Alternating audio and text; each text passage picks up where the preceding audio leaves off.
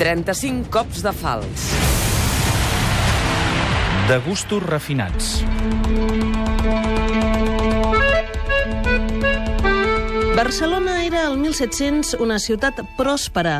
De la ciutat manufacturera de l'època medieval s'havia passat a ser ciutat distribuïdora oberta al món i passava gent de tot arreu, també productes de tot arreu i els gustos s'havien anat refinant, per exemple, amb el sucre. Susanna Tubenya, coordinadora del Servei Educatiu del Born Centre Cultural. Els sucres, pensar que de sucres en tenim documentats eh, més d'una quarantena de diversos. Comparem avui dia, quan anem al supermercat, amb els sucres que podem escollir, fem molt curt comparat amb els sucres que podien escollir aleshores. 40 varietats de sucre i també 50 varietats de tabac. Un tabac que arribava de fora, però que també es feia aquí, com la que tenia la mateixa família propietària d'una de les adrogueries més conegudes, la família Duran. Acaben fent la seva pròpia eh, marca, composició de tabac, a una plantació de, de Santa Perpètua de Mogoda i de fet és una família que generacions posteriors acabarà formant part d'una de les companyies a les quals se'ls hi arrenda eh, el, el tabac, se'ls hi subcontracta el tabac i tenen l'estancament, no?, amb el monopoli del tabac. Per tant, el tabac amb aquesta varietat de productes com acaba sent un grament clau d'un de, dels negocis de l'època. Dios, tabac i paper.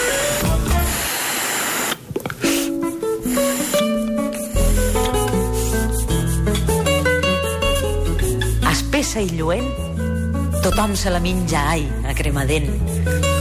Així creu en tassa, prou que ho diu la gent, i mai no n'hi ha massa. Un altre dels productes estrella era la xocolata. Un producte que quan arriba a, a ciutats com Barcelona, arriba i diguéssim que fa un, un recorregut vertical. És a dir, comença a les classes socials més altes i mica en mica es va popularitzar.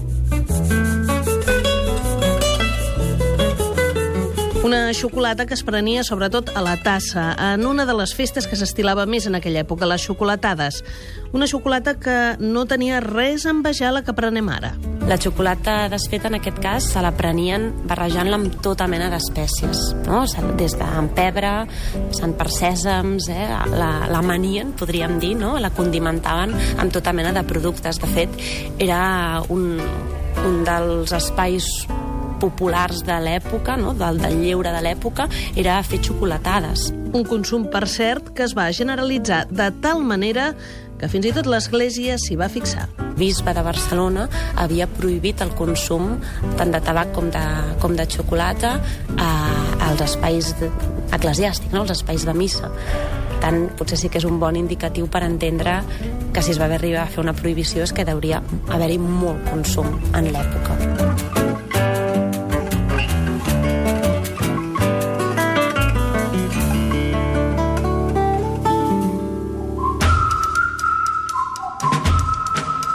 Trenta-cinc cops de fals.